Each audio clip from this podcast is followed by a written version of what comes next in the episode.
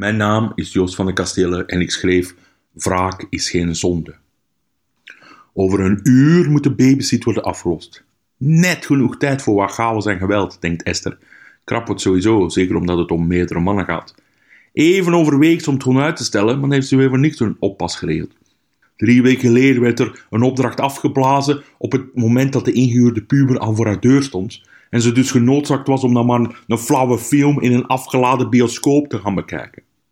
Voor haar zat een vrouw die elke twee minuten haar telefoon pakte, zodat Esther thuis kwam met een piep in haar oren omwille van een bombastische ontploffing op het scherm en pijn in haar ogen door alle lichtflitsen, omdat de vrouw had besloten om het plot bericht per bericht door te sturen aan vriendin, aan een soort inefficiënte vorm van piraterij. Maar Esther gaat in naar huis, want beloofd is beloofd en betaald is betaald. Kostbare minuten gaan helaas verloren met het zoeken naar een parkeerplaats. En het helpt ook niet dat de auto voor haar eveneens die enige magische vrije plek tracht te vinden. Achter haar klinkt getoeter.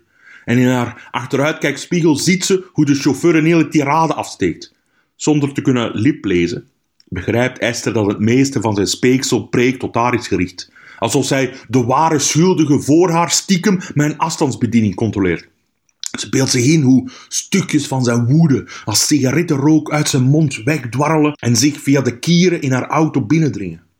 Om op haar blote voorarmen te landen. De gedachte bezorgt haar kippenvel. Maar er is meer voor nodig om haar in de juiste stemming te krijgen. De auto voor haar geeft het op en parkeert dan maar voor een garagepoort in het kader van die oude wet uit 812 die stelt dat gij hebben het recht van God en de vorst om fout te parkeren als je drie keer een rondje hebt gereden. Of zoiets. Als ze zelf aan haar vijfde rondje is begonnen, heeft Esther eindelijk geluk en rijdt er net één weg voor haar neus. Tijdens het parkeren klinkt er opnieuw getoeter. En normaal zou ze al een extra traag verder gaan, maar deze keer dwingt de deadline haar om zich te haasten en toe te geven aan ongeduld. Ze steekt alle papieren in haar handtas en zet het handschoenkastje open. Want kinderspeelgoed en wat streeps op met chocoladevingerafdrukken op de achterbank zijn geen garantie tegen diefstal in deze ruige buurt. Haar smetteloze stationwagon zou net zo goed onder een immense pijl kunnen staan met de boodschap: hey, probeer deze eens. Esther stapt uit, trekt haar pet zo laag mogelijk en controleert nog eens het adres op het papiertje. Met haar nagel krabt ze het opgedroogde bloed weg. Het laatste cijfer lijkt nog meest op een zes.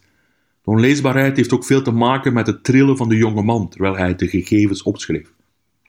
En zijn misplaatste loyaliteit jegens zijn vrienden is de voornaamste reden waarom de tijd zo beperkt is voor deze laatste fase van de avond. Als enige van het groepje studenten die ze moet zien te vinden, woont hij nog thuis. Het leek Esther niet verstandig om aan te bellen en als vrouw van bijna veertig aan zijn moeder te vragen of ze naar zijn kamer mocht. Dus had ze geen andere keuze dan een heel uur te wachten voor de man het ouderlijke huis verliet en zijn fiets pakte.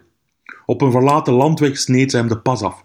Gelukkig raakte hun confrontatie snel overhit, want geen betere aanleiding tot gedier dan verkeersagressie, en kon ze hem gemakkelijk overmeesteren.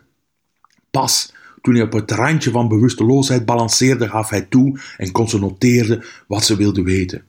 Over de straatnaam bestaat geen enkele twijfel en het krabbel heeft ze uiteindelijk ontcijferd als een 146.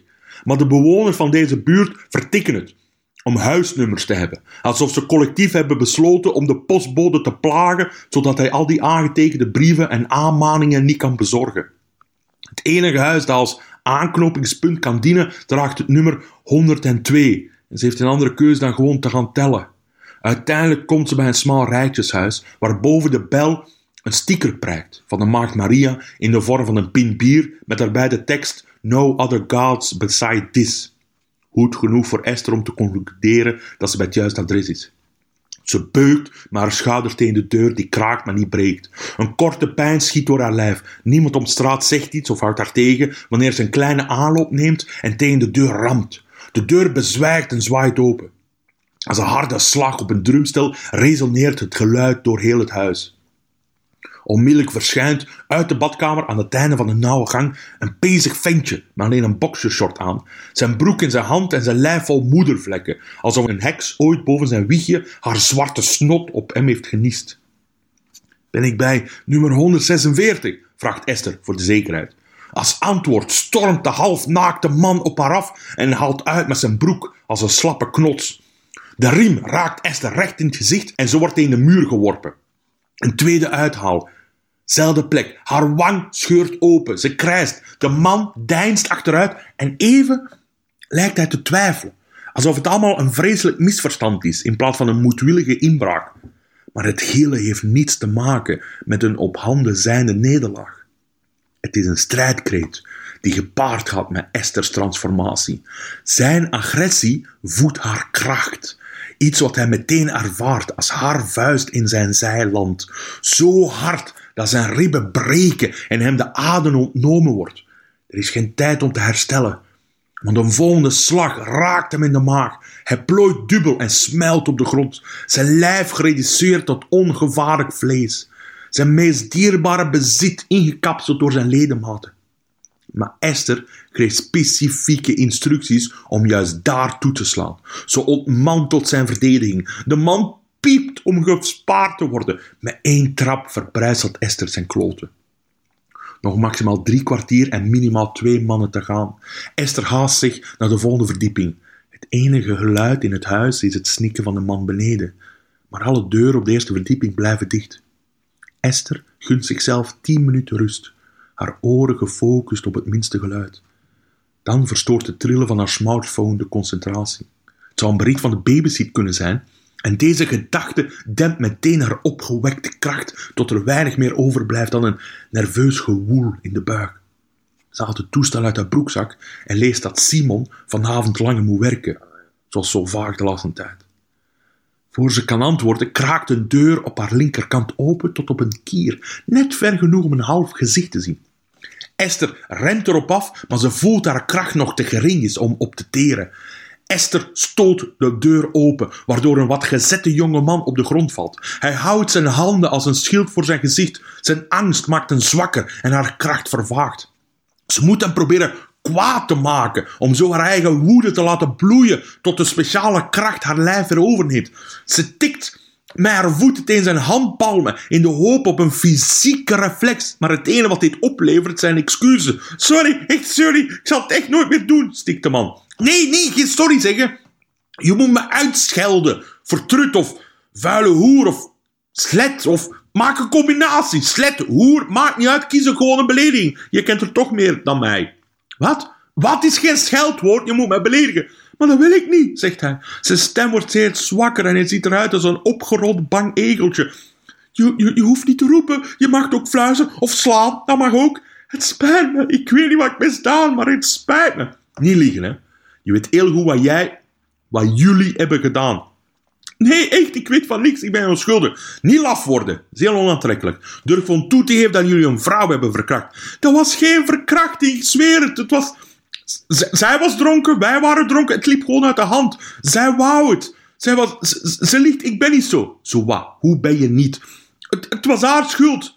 Is het ook haar schuld dat jullie alles hebben gefilmd en haar nu proberen te chanteren? Fucking idioot, of is dat niet waar? roept Esther.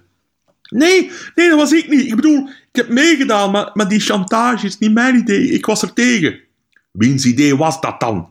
Van mij, horen hoer, klinkt de stem achter haar. Nog voor Esther zich kan omdraaien, slaat de derde man haar vol op het achterhoofd. De pijn schiet door haar lijf en doet de kracht in haar opnieuw ontvlammen.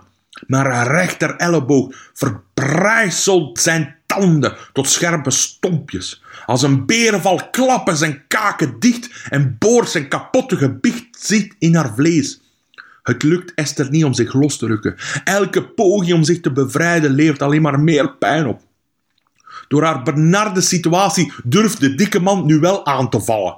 Hij is opgestaan en begint haar zo hard mogelijk met zijn vuisten te slaan. Met haar linkerhand trekt Esther aan haar rechterpols om zich uit de mond te wrikken.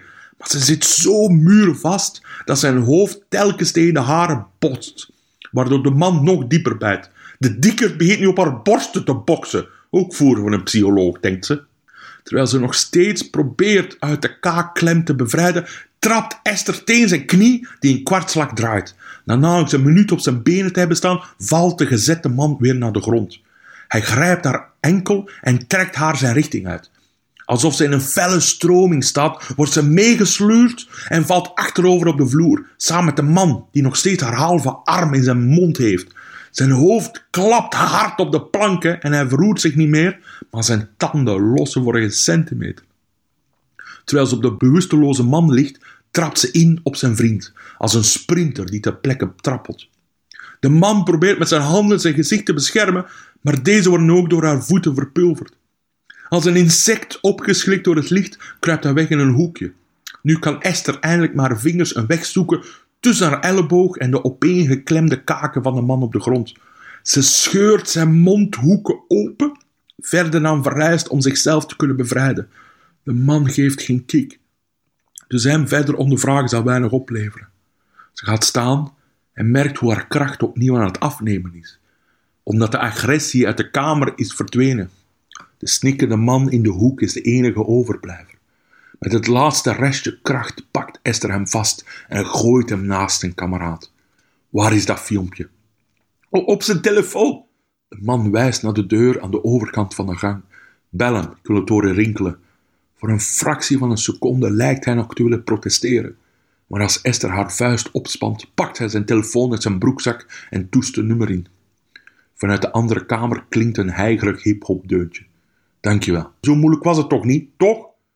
zegt Esther en ze loopt richting het geluid. Onder een stapel ongewassen kleren vindt ze de smartphone en stopt hem in haar broekzak. Nu komt de belangrijkste vraag, dus denk goed na. Want als je fout antwoordt, dan kom ik terug en dan wordt het nog erger. Begrijp jij? De jongeman knikt. Heel goed. Hebben jullie een kopie van dat filmpje? De man schudt zijn hoofd. Zeker? Weer schudden. Hoezo nee? Je weet niet zeker. Nee, ik bedoel dat er zeker geen kopie is, zegt hij. Hij hijgt van de schrik. Esther checkt de tijd op haar eigen telefoon. Het wordt nipt, maar ze kan nog niet weg. Ze hurkt neer bij de man en staart naar zijn gezwollen gezicht. Trillend ontwijkt hij haar blik. Toch wacht ze tot hij het zegt. Het spijt me, ik, ik ben zo niet, niet meer. Esther reageert niet. Geloof je mij niet? Ze zucht. Het is beter als je eerst je wonden ontsmet voor je er ijs op doet, anders gaat het ontsteken. Maar voor je dat doet, gaan we iets afspreken. Je gaat de politie bellen. Je zegt je naam, je adres en wat je gedaan hebt. Het slachtoffer zal morgen melden en jullie aangeven, met screenshots, als bewijs, genoeg om jullie te berichten. Maar ze willen er eerst zeker van zijn dat jullie echt boeten.